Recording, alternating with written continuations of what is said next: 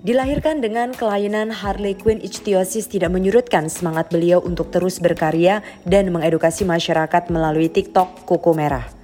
Kekurangan diri beliau dijadikan kelebihan dalam diri sehingga mampu menginspirasi banyak orang di Indonesia. Kepiawaian dalam menggambar membentuk ia mendalami profesi sebagai seorang arsitek dan keberhasilan sebagai salah satu influencer top kota Medan. Saat ini ia juga membantu para pebisnis sebagai branding coach. Di studio bersama dengan saya, Richardson Chanli, Nom Nom Medan, Koko Merah.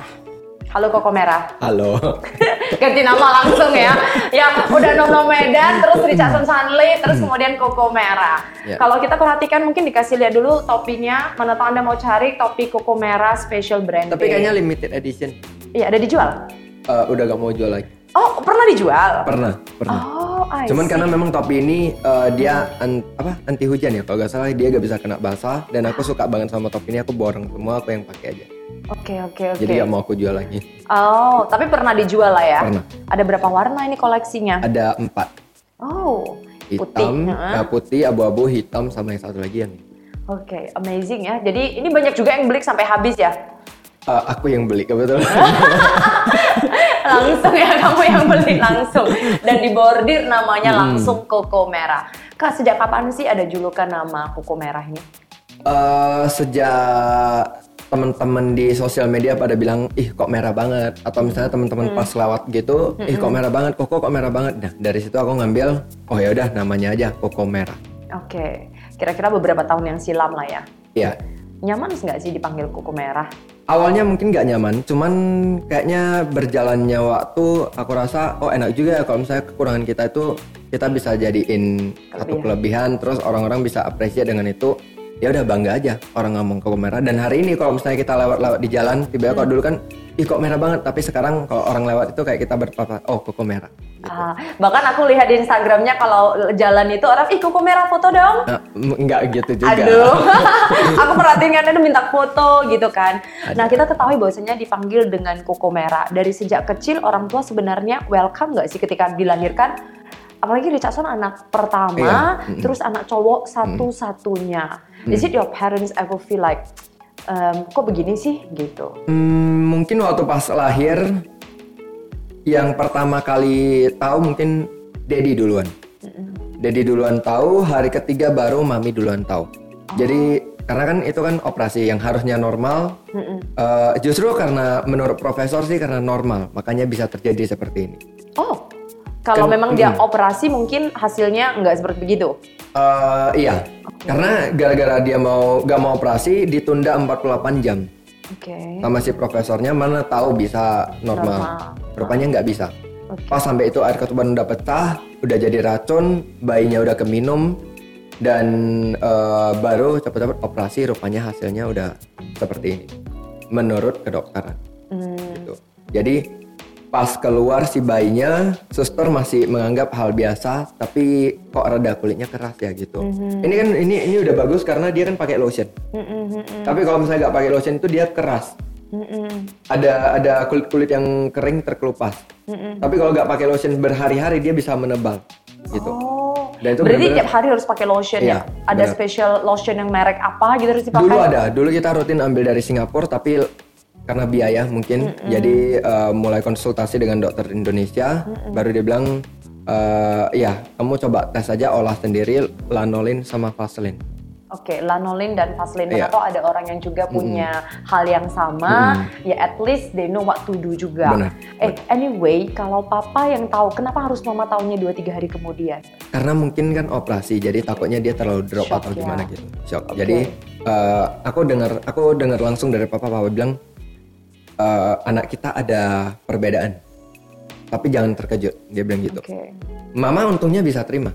Oh, Tapi mama ada ngomong ke aku itu pas aku umur umur berapa ya? Umur 5 dan seterusnya itu mama ada bilang selama kamu lahir itu aku mandiin kamu hanya satu kali aja. Selebihnya aku nangis. Nah, yang rutin mandiin saya itu papa. oke. Pantesan kita bisa lihat ya kamu sama keluarga itu sangat dekat ya, Iya. papa. Berarti mama, mama nggak bisa mandiin kamu karena feel Eh, like mungkin iya. mungkin dia kayak nggak tega Iya, mungkin atau kayak merasa bersalah, merasa bersalah sendiri. sih. Nah, Mama merasa pernah bersalah. bilang dia merasa bersalah, tapi eh, aku sebagai anak yang mungkin dengan perbedaan sepertinya aku nggak bisa tahu, Nyalain, maksudnya kesalahan apa sih aku kan nggak ngerti gitu. Uh-uh. Dan sampai hari ini aku bilang sah-sah aja. How is your dad reaction? Apakah dia juga menyalahkan mama? Enggak. Waktu itu nggak ada yang bisa disalahkan lagi karena eh, sampai dokter bilang apakah ada gen yang sama antara eh, papa Ah, dan iya, mama. iya. Mm, Terus ada eh, makan panta apa pantangan makan nggak gitu. Tapi orang tua bilang enggak. Ya memang udah rencananya Tuhan. Artinya memang nggak ada gen keluarga yang juga begini. Enggak. You are the first one, Iya. I think. Oke, dan ini pembelajaran juga ya. Artinya kalau air ketuban pecah udah kelamaan, semuanya kita juga harus take care. Iya. Dan itu kalau papa mama sejak sampai kapan sih mama dan pap mama itu bisa accept gitu loh? Sampai, maksudnya apakah di sampai kamu di SD? Karena kan ini sebuah berat juga ya, mama bawa kamu Heeh. ke mana-mana. Apakah mama kan feel like merasa bersalah? Iya. Mulai kapan mama merasa? Aku rasa mulai Oke. kelahiran mulai eh, bulan ketiga itu mereka tuh udah post habis-habisan untuk bawa aku berobat sampai ke Singapura. Dari yang bayi gak bisa terbang, dari eh, gak ada biaya, mereka jual perhiasan nikahnya. Aku dengarnya kayak wow banget. Gitu. Oke, they love you so much, I Mm-mm, think. bener. Yes, dan itu kayak udah menghabiskan banyak biaya. They do their best Iya. until they think this is the God's gift. Bener. Dan jadi gini, singkat cerita itu kayak ada eh, teman papa bilang, udah kalau misalnya memang nggak bisa diiniin lagi, nggak bisa dipertahanin lagi, ya udah ikhlasin aja. Intinya gitu. Tapi papa, papa bilang "Eh, anak ini anak yang kuat. Ibarat sebatang pohon, satu pohon itu akarnya itu udah men- menjalar ke mana-mana. Jadi lu mau gimana ini ya dia tetap akan hidup. Wow, Gitu. you Makanya have a very tuh, wow. amazing dad ya. Iya, saya saya stalking bapaknya Richardson juga. bapaknya itu kayak sangat inspiratif cara dia kalau sharing info. Terus dan papanya itu memang sangat ngebanggain anaknya. I Iya. can see that ketika adik kamu yang paling kecil harus berangkat ke dokteran ke Iya. Jerman dan I saw the video dan I can feel like ini kayaknya family goal banget ya. Iya benar. Iya benar, kan? benar. Itu kayaknya kalian boleh buat YouTube gitu ya, tiga orang. Ada karena rencana sih. Oh ada, rencana, ya. Jadi buat um, ini kalau beneran buat YouTube, aku rasanya adalah keluarga yang sangat uh, menginspirasi. Iya. Karena bukan hanya dari anak aja, tapi gimana papanya juga. Anyway, papa kamu jangan sangat pede banget dia di kamera. Itu karena papamu yang memang pede, anaknya jadi influencer, atau anaknya yang jadi influencer nge-influence papanya? Dulu itu sebenarnya nggak pede. Mhm. Dulu itu apa-apa kalau kamera nggak mau, tapi pas kan aku kan pernah review-review makanan. Mhm. Terus uh, teman-teman pada bilang, coba dong papanya yang ngomong gitu. Oh. Jadi papa itu kalau ngomong kan uh, dia tetap berusaha untuk perfect gitu. Ah. Jadi gak ada pengulangan. Nah dari situ rupanya follower suka. Nah papa mulai belajar dari sana juga. Oh ya udah boleh nanti kita buat konten gini gini gini ya gitu. Hmm. Jadi untuk mensupport anak-anaknya juga gitu. Iya iya. Jadi kenapa saya bilang keluarga influencer karena adiknya juga influencer. Mm-mm. Mungkin yang yang apa yang paling kecil ya yang aku nggak perhatiin Uh, banget. yang influencer kedua, juga. yang kedua, yang paling kecil tuh fokusnya belajar iya, belajar. fokusnya belajar calon dokter seperti Iya. itu ya. Oke, ketika mama em, sudah bisa menerima pada saat poin jalan-jalan nih waktu kecil ya Hmm. dibawa ke mana-mana, mama papa pernah cerita nggak sih punya burden dari keluarga? Tadi kita bilang ya dari orang luar ya. Heeh. Gimana dengan keluarga terdekat, sepupu atau ketika ada family gathering? Um, sebenarnya kalau keluarga pasti ada beberapa pro dan kontra. Misalnya kayak, oh eh, aku nggak bisa terima. Tapi mama bilang ya eh, kamu jangan dengar di hati. Orang boleh nggak terima itu terserah. Tapi kamu harus jadi diri kamu sendiri. Mama itu fight habis-habisan. Ada keluarga yang memang nggak bisa terima karena mungkin aku pakai lotion, duduk di mana pun jalan di mana pun pasti ada bekas. Oke. Uh, jadi uh, terkadang kulit terkelupas pasti ada yang jatuh. Jatuh. Mm, jadi kan itu satu kerisian mungkin bagi orang lain. Oke. Papa mama nggak menganggap itu kerisian. Nah cuman mungkin ada teman atau saudara yang risih, tapi uh, mama bilang ya kamu harus nunjukinnya satu prestasi biar mereka bisa terima kamu. Iya, bener banget. Mm-mm. Dan aku juga tahu kamu dulu kecil karena katanya ya pernah ditolak juga nih di Iya. sekolah. Iya. Dan karena secara fisik ya teman-teman kalau kita lihat uh, kuku merah ini Mm. sekilas mungkin uh, nggak sedetail itu kamu lihat ya oke okay lah. Hmm. Tapi kalau kita nanti minta beliau buka hmm. dan you are going to see like dia bagaimana melihat imperfectionnya menjadi sesuatu yang sangat perfect hmm. sekali sekilas juga. Nah pernah ditolak dan disarankan masuk ke sekolah luar biasa. Gimana yeah. feelingnya? Uh, kebetulan saya sekolah di salah satu sekolah yang cukup terkenal di Medan. Hmm. Uh, mama juga suka sama sekolah ini hmm. dan pertama kali apply hmm. mungkin ada penolakan dari kepala sekolahnya bilang ya anak ini memang singkat cerita ya anak ini gak gak layak sekolah di sini. Okay. Terus dia lebih cocoknya tuh sekolah di sekolah berkebutuhan khusus. Mama gue fight, fight abis-abisan. Itu waktu SD ya atau gimana? TK. TK. TK. Aku masih gak ngerti, tapi aku masih ingat momen itu. Aku oh masih di ruang kepala sekolah. Tapi aku gak ngerti ditolak hmm. karena apa? Aku gak ngerti apa hmm. itu SLB pada saat itu. Hmm. Jadi uh, masuk, habis itu mama bilang e, gak bisa karena anakku ini bukan anak yang berkebutuhan khusus. Dia semua normal. Pemikirannya normal. Bahkan dia itu aku itu kecil itu suka uh, ngutak ngatik kaset nanti gabungin lagi kayak robot apa apa gabungin lagi. Jadi kayak mama bilang uh, dia ini anak yang bener-bener bisa dibilang jenius. Gak mungkin aku masukin dia ke sekolah berkebutuhan khusus. Jadi sekolah masih mereview dan rupanya rupanya kakek ya kalau nggak salah kakek atau papanya kakek gue itu ada salah satu sumbangan eh, sumbangan apa? Menjadi donatur terbesar, hmm, terbesar di donatur sekolah. terbesar di sekolah. Dan ada prasastinya baru di situ mulai diakui dan ya udah dikasih sekolah.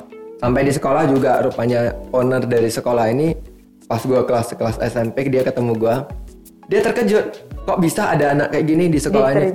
Ah, dan dia ngomong ke guru-guru gue juga ingat itu kalian harus jaga anak ini sampai jangan pokoknya jangan ada uh, jangan ada yang gangguin dia jangan ada yang uh, jatuhin dia. Kalian harus jaga habis-habisan sama anak itu gue dengarnya wow banget gitu. Kenapa dia bilang begitu? Anda tahu nggak kira-kira? Mungkin karena dia terkejut. Satu-satunya yang di sekolah sana itu ada orang yang uh, beda. Mm-hmm. jadi dia sempat berbicara itu sama gue itu cuman kayak aku kan waktu itu masih panik gitu. Yeah. cuman ya udah itu berarti kamu sekolah di sana sampai selesai, sampai hmm, SMA. Sampai SMA. Dan gimana pergaulan kamu pada kala itu dibully kah? Uh, banyak teman-teman yang nanya waktu TK orang-orang bisa terima kamu nggak?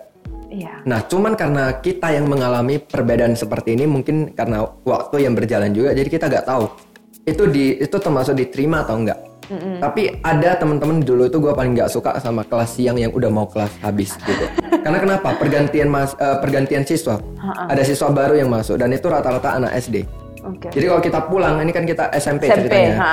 Kita pulang masuk anak SD. Ha. SD itu waktu lihat kita itu kayak takut lah lari ke mamanya lah oh. ini segala macam jadi gue udah terbiasa dengan hal itu awalnya tapi aku gak pasti suka momen itu oke okay, itu nggak suka ya nggak suka oke okay. nah jadi uh, ya ada orang tua yang memang nggak apa-apa ini koko kayak gini gini gini gini ada hmm. punya yang jangan ya nanti gue suruh gangguin lo gini gini gini kayak diadu domba atau apa ya hmm. itu masing-masing mindset dari orang tua Oke, okay. dan berarti bisa kita bilang di sekolah sebenarnya juga sudah sangat support dan they even welcome you. Benar. Dan bahkan kalau nah, nanti kan di sekolah nih, kalau dulu di kampus di kampus saya rasa ah. udah mulai oke okay sih, udah mulai mungkin karena pemikirannya juga udah, udah dewasa. dewasa hmm. Sudah dewasa. Hmm. Dari kamu sebenarnya coba diingat dulu, mulai kapan kamu benar-benar bisa acceptance that I am like this? Apa? Artis? Ka um, kamu bisa acceptance diri uh. kamu, ya udah aku memang benar-benar terlahir oh, begini oh, okay, loh. Okay. Karena kan waktu kecil kan kayak uh. mungkin nggak mengerti mm -mm. dengan perjalanan dibully, terus dikatain orang, ditakutin gitu. Ketika mulai kelas-kelas SMA 2 3 gitu ada momen yang kamu ingat membuat kamu merasa I may not think like aku itu adalah orang yang berbeda dengan yang lain?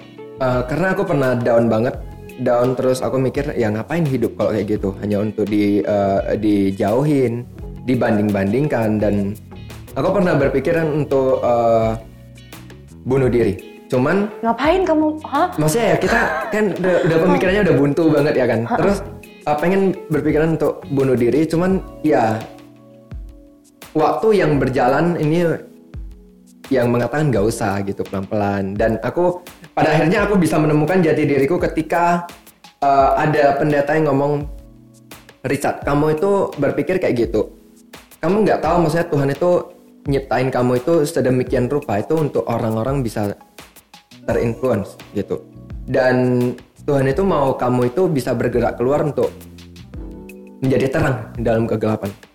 Dan kamu satu-satunya yang dipilih. Dan dari itu wow wow banget gitu kan. Terus ketika pendetanya bilang juga, ketika kamu jalan-jalan di luar orang-orang liatin kamu, kamu jangan down. Yang mereka lihat itu bukan kamu, tapi mereka itu lihat Tuhan. Oh Kok bisa mengkir kamu itu sedemikian rupa dan mereka itu sangat apresiasi. Mm-hmm. Aku diam.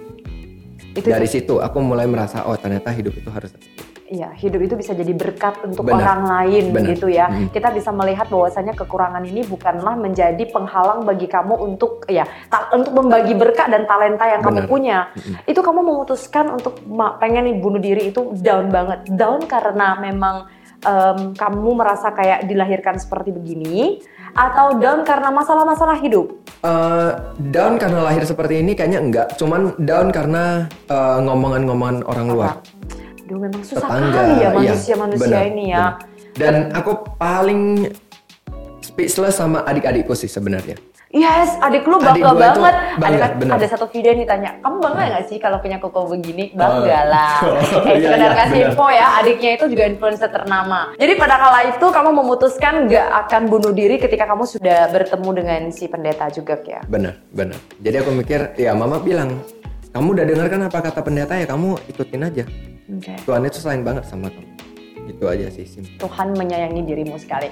Baiklah teman-teman yang saat ini masih mendengarkan satu hal yang bisa kita pelajari dari Koko Merah dengan kita bisa menerima semua kekurangan yang diberikan oleh Sang Pencipta kepada kita. Di saat itulah kita bisa melihat kelebihan yang seharusnya kita bisa jadikan berkat dan kita juga bisa jadikan sebagai um, inspirasi pada orang-orang yang membutuhkan.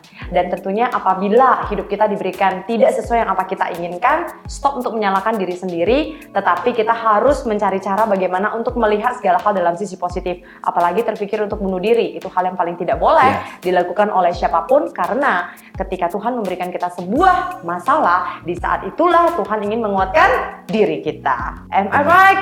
Oke, okay, itu satu lesson yang aku dapatkan dari Bapak Richardson. Aduh, kuku merah aja deh ya. Iya.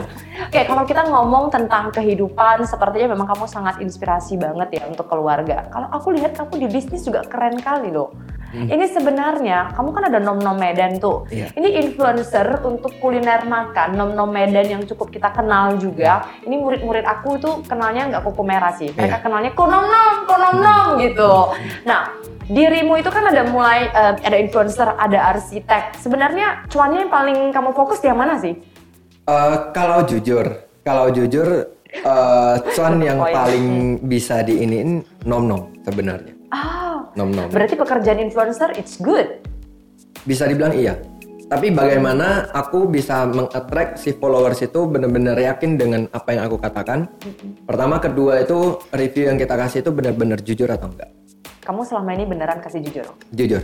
Jujur Dan ya. kita itu pernah kayak nolak beberapa brand hanya karena uh, gak bisa masuk dengan taste-nya gua sama tim gitu. Okay. Ya brand nggak suka pasti, cuman mau gimana? Tapi followersnya suka. Oh berarti biasanya kamu nge-review, kamu udah um, yang gak enak, kamu post nggak sih? Kalau yang gak enak kita nggak publish, yeah. misalnya ya, dikirim hmm. lima makanan. Hmm. Yang kita kon eh, yang kita cocok itu hanya dua. Hmm. Gue fokus ke dua itu aja, yang tiga gue gak ngomong. Hmm. Simpelnya gitu. Oke, okay. jadi at least juga nggak mengecewakan brand iya. 100% kan nggak mungkin semua semuanya iya. jelek juga kan. Oke, okay. kalau kita bilang menjadi influencer lebih cuan daripada arsitek. Kenapa? Hmm. Profesi arsitek di Indonesia kenapa, Pak? Uh, influencer lebih cuan, arsitek itu mungkin jangka panjang. Okay. Jangka panjang. Nah, cuman uh, mungkin ya karena domisiliku di Medan, jasa itu mungkin kurang di uh, ini diterima mungkin di kalangan luar. Belum sangat direspek lah mungkin. Aku pernah gambar ya. rumah. Hah, gambar rumahnya 20 juta itu 20 juta udah murah banget. Udah murah banget. Ini 20 juta ini nggak bisa buat aku tinggal di dalam. Yang bisa buat aku tinggal di dalam itu strukturnya ya aku diam aja. Oke, okay. ada salah satu murid aku mm -hmm. uh, Yenti Lim Culture adalah klien mm. kamu. Iya benar. Dan dia sangat membanggakan dirimu. Oh ya. Yes. Oh, okay, dia okay, bilang okay. he is just a professional. Yeah. Dia adalah orang yang sangat bagus banget dan dia benar-benar kerjanya dari hati gitu loh. Iya. Yeah. Yes yes Ibu Yenti Lim, do you know yeah. her right? Tahu dia kan? Tahu tahu. Iya iya. Tapi memang aku dari hati maksudnya gini loh. Aku seneng banget orang yang bisa mengapresiasi desain kamu bayar murah, kamu bayar mahal walaupun kita udah ada red card. Kalau desain itu bisa kita nampak nyata, itu kayak bangga banget siapa pun di bidang desain jasa pasti kayak gitu. Mm -mm. Oke, okay. kalau kita bilang profesi arsitek, kamu juga punya tim. Mm -mm. Kuliner influencer juga punya tim. Benar. Berarti bisa dibilang kamu juga seorang leader nih di dalam bisnisnya kamu. Bisa dibilang seperti itu. Oke. Okay. Gimana tim kamu itu menilai kamu sih? Apakah they also see in one side ah atau gimana? Gitu? Uh, mungkin ya, mungkin kalau untuk menilai kalau biasa orang menilainya itu kan dari sosial media. Yes. Aku nggak tahu mindset tim aku gimana, cuman mungkin mereka menganggap kayak aku orangnya uh, fun. gila, fun gitu karena ya aku di sosial media harus seperti itu. Tapi kalau misalnya di kantor kalau salah ya salah. Gitu. Oh berarti ini real life sama sosial media bener-bener beda banget? Uh, berbedanya nggak drastis, tapi real life-nya aku ya bisa dibilang seperti sosial media. Oke. Okay. Tapi karena ini kantor, ya kita harus buat kantor punya sistem. Oke. Okay. Oke, okay, oke. Okay. Kalau orang-orang mau desain suruh kamu itu biasanya rate-nya mulai dari berapa sih? Kali aja ada yang mau desain, mana tahu aku mau desain. Oke. Okay. uh, eh, tergantung desain sebenarnya, tapi kita rate, rate uh, arsitek ini bisa dibilang start from-nya itu 200 per meter per meter. Oke. Okay. Kalau kita bilang tentang uh, bisnis apa ya? Um, karena kebetulan di, di Sasang Show biasa kita ada kasih tips nih untuk orang-orang yang mungkin saat ini dia memulai bisnis jasa untuk kayak ngegambar, arsitek seperti itu. Mungkin dari kamu ada tips nggak sih untuk mereka yang baru start career? Karena kita tahu jurusan arsitek itu kuliahnya mahal. Mm -mm. Oke, okay? memang bayarannya mahal, tapi tidak uh, masih belum sangat diapresiasi lah apalagi di kota Medan. Hmm. Gitu. Mungkin kamu bisa kasih share tips karena aku lihat kamu bolak-balik pulang pergi Jakarta, hmm. keluar hmm. kota. Hmm. Apakah mungkin tipsnya harus ngambil klien dari luar atau gimana? Mungkin boleh sharing? Uh, kalau tips yang penting kan kamu harus hobi dulu, harus uh, benar-benar terjun di bidang ini dulu, hmm. harus suka dengan bidang ini. Kalau kamu suka dengan gambar, kamu suka dengan ketemu klien, deal, aku rasa itu oke. Okay Nah, kalau untuk uh, deal project di dalam maupun di luar kota, mungkin kalau awal-awal kita harus fokus di dalam kota dulu. Kamu mm harus tahu situasi di dalam kotamu itu seperti apa. Mm -hmm. Kalau sudah bisa di solve, baru kamu keluar. Oke, okay. berarti um, artinya you have to know your customer. Iya. Okay. Jadi untuk Anda yang pengen um, belajar untuk mengembangkan bisnis arsitek, key pointnya adalah you have to know your customer. Karena kita tahu desain untuk orang Medan, orang Jakarta, Benar. orang Bali itu beda-beda semuanya. Karena desain itu nggak hanya sekedar kita gambar doang. Mm -mm. Kita misalnya gambar, misalnya uh, Cici nih, mm. uh, suka sama swimming pool. Hmm. Kita gambarkan swimming pool, tapi waktunya Cici itu banyak di kantor, di hmm. ini hanya bisanya di hari Minggu. Hmm. Gak gak terlalu ini sih untuk harus ada swimming pool di dalam rumah, hmm. gitu. Misalnya juga suka karaoke, hmm. tapi karaoke gue letakin di lantai tiga, hmm. kan udah gak sinkron. Iya. Nah itu yang dibutuhkan. Setiap mau karaoke naik ke lantai uh, tiga. Karena gue suka karaoke ya udah gue gue uh, banyakin waktu di karaoke gue uh, uh. taruh di lantai satu. Okay, Jadi okay. itu yang kadang kita arsitek mikirkan. Okay. Gitu. Jadi gak segampang kayak orang bilang oh hanya gambar, oh hanya gambar enggak sih. Oke. Okay. Well, jadi key pointnya yang penting di mana pun Anda berada, Anda menjalankan profesi sebagai arsitek, if you know your customer well, kamu pintar juga mempresentasikan, hmm. dan um, your business will run well too. Benar. Kamu jadi arsitek karena orang tua atau karena diri sendiri? Aku kebetulan aku sama adik-adikku itu punya karir yang berbeda, Mm-mm. perkuliahan yang berbeda dan itu semua keinginan dari orang tua. Papa. Mama. Oke. Okay. Mama itu tegas banget. Kamu harus kayak gini ya, kamu harus gini ya, kamu harus gini. Tapi kenapa kita bisa suka? Karena kita dari kecil itu udah didoktrin udah di main main apa main uh, mindsetnya udah uh, di, di digeser iya. dirapikan diarahkan lah kita dan bilang. mamaku itu lihatnya dari mana? Oh dulu itu gue suka gambar. Okay. Gambar, gambar, gambar. Uh, cantik gak cantik dia selalu apresiasi dan dari situ dia bilang oh kamu nanti harus jadi arsitek dari gua TK sampai gua SMA arsitek arsitek arsitek dan bener-bener ngambil arsitek masuk ke otaknya Bener. arsitek ha, adik gua juga gitu orangnya keras Oke. Okay. Lu nanti kuliah hukum yang ngambil notaris dibantu kok kok kayak gini gini gini gini. Ha -ha. Rumah selesai deal di notaris gitu. Waduh, jadi, ya mama so great ah. Bener, jadi kayak uh, karena karena sifat kerasnya ini mama terpikir jadi hukum ya udah sampai sekarang S1-nya hukum. Si Angelin ya? Angelin. Oke. Okay. Terus, Terus yang kecil ini dokter? dia suka darah. Ah. Suka uh, pokoknya suka biologi, suka darah. Dari kecil memang udah kelihatan. Oke. Okay. Kamu harus jadi dokter. Mau dokter kandungan, dokter umum terserah yang penting dokter. Oh. Baru dia sekolahkan di ke dokter.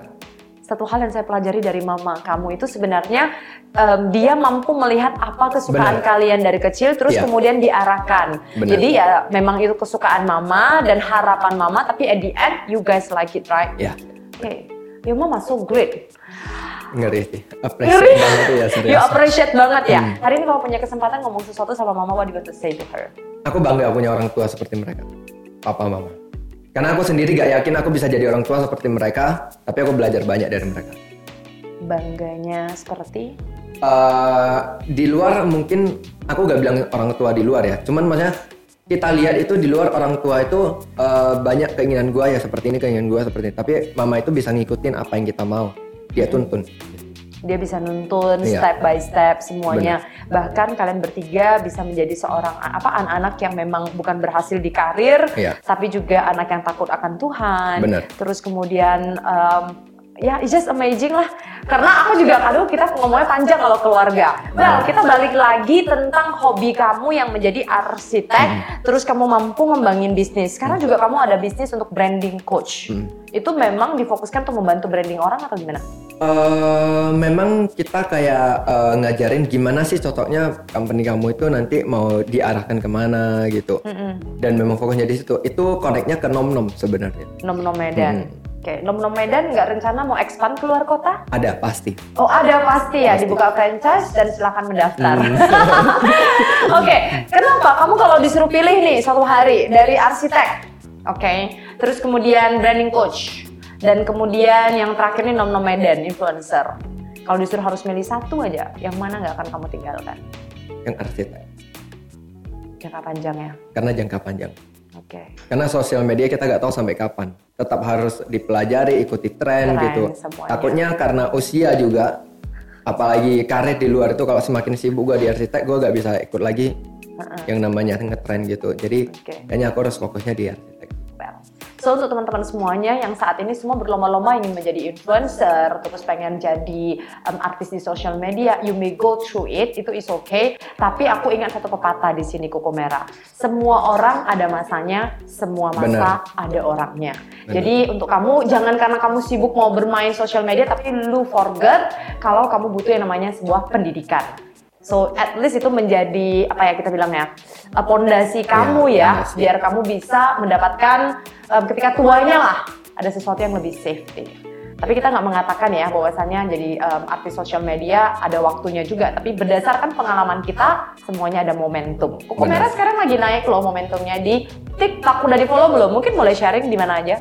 Eh, mungkin personal account gue kan Richardson Charlie. Yes. Terus ada Nom Nom Medan, eh, sama TikTok Kokomen. Itu Oke. aja. Jadi silakan aja nanti di follow. Boleh juga nanti aku cantumkan di sini deh. Oke, nah Richardson Koko Merah udah dibilang sukses, kan? Setuju nggak sih? Sebenarnya kurang setuju kenapa? Karena aku masih merasa banyak hal yang masih aku harus capai. Hmm. Oke, berarti masih belum merasakan kamu udah sukses. Iya. Belum. Pada titik mana dikatakan kamu udah sukses? pada masa ketika aku mau apa pun tinggal tunjuk pertama kedua eh, tidak kredit barang-barang yang aku inginkan Oke.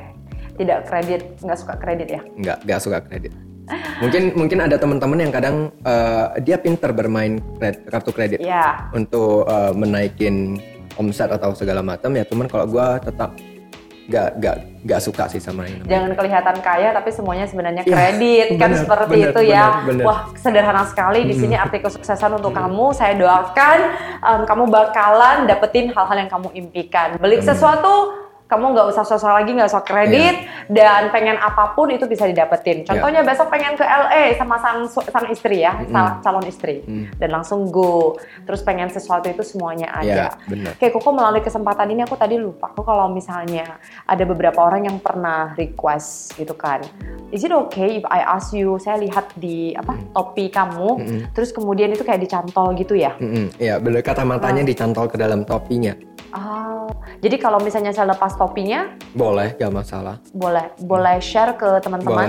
gak masalah sih. Ah, itu pernah tumbuh rambut nggak sih? Pernah dulu, Terus Pernah sekarang? dulu. Cuman eh, dulu waktu TK itu dia pernah tumbuh rambut. Cuman gini, rambut yang gue tumbuh itu kalau tahu film Chinese Chinese Kung Fu, Ah, ah, ah. depan botak Yang belakang panjang. ah, ah. Hmm. Oh gitu. Rambut aku itu seperti aku, eh, rambut gue dulu seperti itu. Jadi Oh. papa itu mikir ya udah cukur aja semuanya, pangkas semuanya. Habis itu langsung gak tumbuh. Jadi gak tumbuh itu karena kenapa? Aku aku kalau logikanya gini, karena gak tumbuh rambut, habis itu kan aku pakai lotion, tutup semua kepala, pori-pori gak ada lagi. Oh. Jadi tumbuh satu, tapi tumbuhnya cepat. Tiga hari gitu udah ada satu. Nanti kan guruku yang TK bilang, eh udah ada satu nih. Gitu nanti patah lagi, tumbuh lagi dua. Nanti kayak gitu-gitu terus. Kayak apa ya dikit-dikit aja dia tumbuh dan habis itu udah nggak tumbuh lagi sampai Nggak, sekarang. Mungkin nggak. karena terus pakai lotion, Benar. terus ketutup pori-porinya. Oke, pernah punya planning nggak sih untuk operasi Pernah. ataupun. Pernah. Papa pernah bilang, e, mau nggak? Ini sebelah Aceh ini dia operasi loh, rambutnya jadi ada kayak gini. Aku bilang nggak mau. Aku hari ini pergi tanpa rambut, pulang dari pesawat turun ada rambut orang pun nggak kenal. Jadi kayaknya aku bilang aku lebih bangga. Pernah juga ada yang operasi kulit. Aku Dokter juga tawarin. Ha-ha. Aku nggak mau. Kenapa? Ya karena memang aku nyamannya dengan keadaan aku yang merah. Oke. Itu belum ada cerita koko merah waktu itu, belum ada nom Medan. Cuman aku bangga dengan keadaanku waktu itu. eh orang mengenal aku ya keadaannya seperti ini. Pulang-pulang nanti aku harus hidup lagi dari nol, nggak mau. Hmm. Karena juga kalau operasi pun belum tentu berhasil 100% kan. Iya. benar. Jadi artinya juga ngapain juga gitu. Iya. Ini maaf ya aku pengen tahu juga kemarin aku pernah lihat kamu share. Ini seluruh badan semuanya. Semuanya. Semuanya. Oh, oke oke oke. Dan ketika misalnya eh, maaf ya, ketika misalnya ada ini em, minta kamu untuk karena suatu show atau sesuatu lah untuk minta kamu tampil beda gitu dengan ada rambut dan semuanya, we do do that. Ah, hanya untuk komedi- influence ya, hanya Kalau untuk komedi influence. mungkin boleh-boleh lah. Oh, Kalau eh, untuk membohongi publik aku rasa enggak. oke. That's koko merah banget, influencer yang senantiasa memberitahu semuanya ah, keasliannya, nggak Iya. membuang karakternya. Untuk komedi mungkin karena tuntutan show saja Benar, satu kali benar. dua kali. Kita boleh beralih ke topik terakhir, Boleh? topik cinta. Oke. Iya. ya udah langsung bener-bener merah kali ya.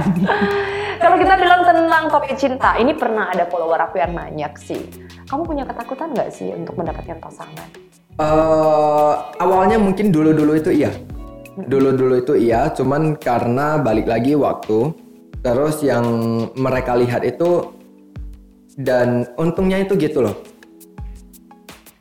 Eh, teman-teman yang dekat dengan aku itu adalah teman-teman yang dia bukan hanya sekedar lihat materi walaupun kita bukan orang yang bermateri ya maksudnya mat- materinya itu ngeri Tajir gitu ya, ya enggak gitu. Tapi mereka lihat itu ketika mereka bisa terima aku apa adanya itu yang kadang eh, buat aku terdiam Oke. Jadi ada ketakutan dulunya, sekarang sudah enggak. ya enggak intinya kalau lu ada prestasi Oke. lu jangan takut apa pun Kalau kamu ada prestasi, kamu nggak perlu takut apa pun karena pada konteksnya em, seseorang bisa jatuh cinta kan bukan hanya secara fisik ya, tapi orang bisa jatuh cinta karena memang plus point yang dimiliki. Ya. Aku ada dapat pertanyaan nih, Hmm. mereka nanya, Miss Lisa nih tanyakan dong, Koko Merah udah punya pasangan belum sih? belum sih Belum. di Bukalongan, oke? Jadi terjawab ya, jangan kalian sujon sembarangan nama-nama kawan kalian ambil, oke? Belum masih terbuka, tapi sepertinya udah ada ya nama yang di hati. nanti coba kita lihat ya Oke, nggak apa-apa ya kuku merah ya. Saya setuju, saya seneng aja sih kalau gangguin kuku merah seperti begini. Pasangan yang pengen kamu dapetin seperti gimana sih? Eh, satu visi satu misi Contoh. terus saing keluarga itu paling Satu visi, satu misi sayang keluarga. Hmm. Oke, satu visi dan misi terhadap dengan dirimu. Dengan Eh, dirimu satu dengan visi, satu misi. karir atau apa pun segala macam Oke, berarti ini kayaknya kalau love language-nya ini act to service-nya tinggi ya? Pengen lakukan sesuatu barengan sama dia. Iya, iya. Ah, Oke, menghabiskan waktu barengan sama Hmm. dia. kalau kamu menghabiskan begitu, kamu lebih naik lah ya level cintanya. Hmm. Oke. So, mana tahu Anda mau, berarti Anda nggak boleh stalking aja, harus kerja tim sama dia. Baru habis banyak waktu, baru deh nom-nom bisa jatuh Hmm. cinta. Oke, Baiklah untuk um, Richardson, Kuku Merah, thank you so much. Sepertinya saya sudah dapetin poin dari bisnis, terus kemudian dari gimana kamu struggling dari zero hingga hari ini kamu bisa dikenal di kota Medan. Dan mungkin yang terakhir aku penasaran tuh adalah tentang influencer. Hmm. Kalau tadi tips untuk menjadi seorang branding coach atau arsitek. Um, sekarang mungkin ada nggak tips sih untuk para influencer? Karena aku lihat ya orang berlomba-lomba pengen jadi influencer. Iya. Bahkan ada yang kayak nge-DM aku nanyakin aja loh gitu. Jadi influencer itu gimana sih sulit nggak? Apa opini kamu? Uh, jadi influencer itu ada seneng ada gak senengnya. Mm-hmm. Gue pernah loh duduk makan, mm-hmm. tapi ngambil fotonya mungkin kita bukan seneng di atau gak seneng ya kalau di fotoin. Cuman ngambil fotonya kalau sembunyi-sembunyi nggak apa-apa. Tapi dia berbeda kayak di depan muka. Ah? Nah, gue oh, iya? diam itu kan ada dua kali. Satu di Surabaya, satu di Medan. Jadi kayak Wow segitunya gitu Tapi kadang privasi kita itu jadi Ya, ya. Mm, Gue selalu update story di mana pun Gue selalu bilang sama influencer Calon influencer Jangan update uh, story langsung di menit atau waktu yang pas kamu sama. lagi di sana yes. Karena itu bisa dibilang cukup riskan yes. gitu Tapi kalau bisa kamu save dulu Kamu udah pindah lokasi baru kamu post karena ya itu itu gak enaknya. Kalau orang-orang biasa mungkin sah-sah aja. Kalau ya influencer kamu kita nggak tahu dunia itu seperti apa. Iya. Gitu Oke, okay, jadi tipsnya adalah untuk anda yang mau jadi calon influencer is okay, mm. oke. Okay, tapi ingat untuk bahwasannya jangan ngepost sesuatu itu di waktu yang bersamaan yeah. karena itu resiko akan lebih tinggi. Saya setuju sih, mm-hmm. itu setuju banget karena orang-orang kadang-kadang nggak tahu tuh ternyata udah late post yeah, gitu. Bener. Dan apakah untuk menjadi influencer itu harus menjadi orang-orang yang ter- berinspirasi dulu seperti kamu atau gimana? Uh, pasti kamu harus punya karya. Kamu harus mau jadi influencer yang seperti apa? Kalau aku pengen jadi influencer yang benar-benar bisa meng influence orang lain tentang hal positif. Hmm. Kamu bisa gak jadi orang yang bisa uh, bisa orang yang positif itu? Hmm. Kalau bisa ya kamu jalanin, tapi kamu tetap harus be yourself. Oke. Okay. Intinya sih be yourself lah ya. ya. Kalau hari ini yang mendengarkan juga memiliki um, kelainan seperti dirimu, semangat apa yang pengen kamu sampaikan kepada mereka? Uh, jadikan kekurangan itu se sebagai apa? Jadikan kekurangan kamu itu kelebihan kamu jadikan kekurangan menjadi kelebihan, kelebihan dirimu. Ya jangan Dan, malu sih sama keadaan kamu. Hari ini mungkin kita direndahkan, tapi gak tahu Tuhan itu bisa langsung naikkan kita di hari-hari ke depan. Mari kita beri tepuk tangan, luar biasa sekali ya, memang. Oke, okay, well, Richardson, thank you so much, Kuku Merah for your time. Ingat teman-teman semuanya, apa pun kondisi Anda, jadikanlah kekurangan kamu menjadi kelebihan kamu. Yeah. Maka dengan itu kamu akan menjadi berkat untuk siapa pun yang mendengar. Thank you ya, Kuku Merah di siang hari ini udah you. sharing dengan kita. Dan untuk teman-teman semuanya yang saat ini juga sedang mendengarkan apa cerita tentang Kuku Merah, jika Anda penasaran untuk hal-hal yang lebih detail, kamu boleh aja langsung cek aja di Instagramnya beliau dan di TikToknya. Banyak sekali hal-hal inspirasi yang mungkin bisa Anda pelajari dan bisa Anda share kepada orang-orang yang membutuhkan. Akhir kata, saya Saca menyampaikan terima kasih. Di episode kali ini kita belajar satu hal bahwasannya jadilah berkat dirimu untuk orang lain. Percayalah, Tuhan itu selalu punya alasan memberikan um, sesuatu atau memberikan sebuah masalah kepada dirimu. Benar. Oke, sampai jumpa di next episode. Bye bye. Sharing is caring, but it's more than that. Sharing is life changing.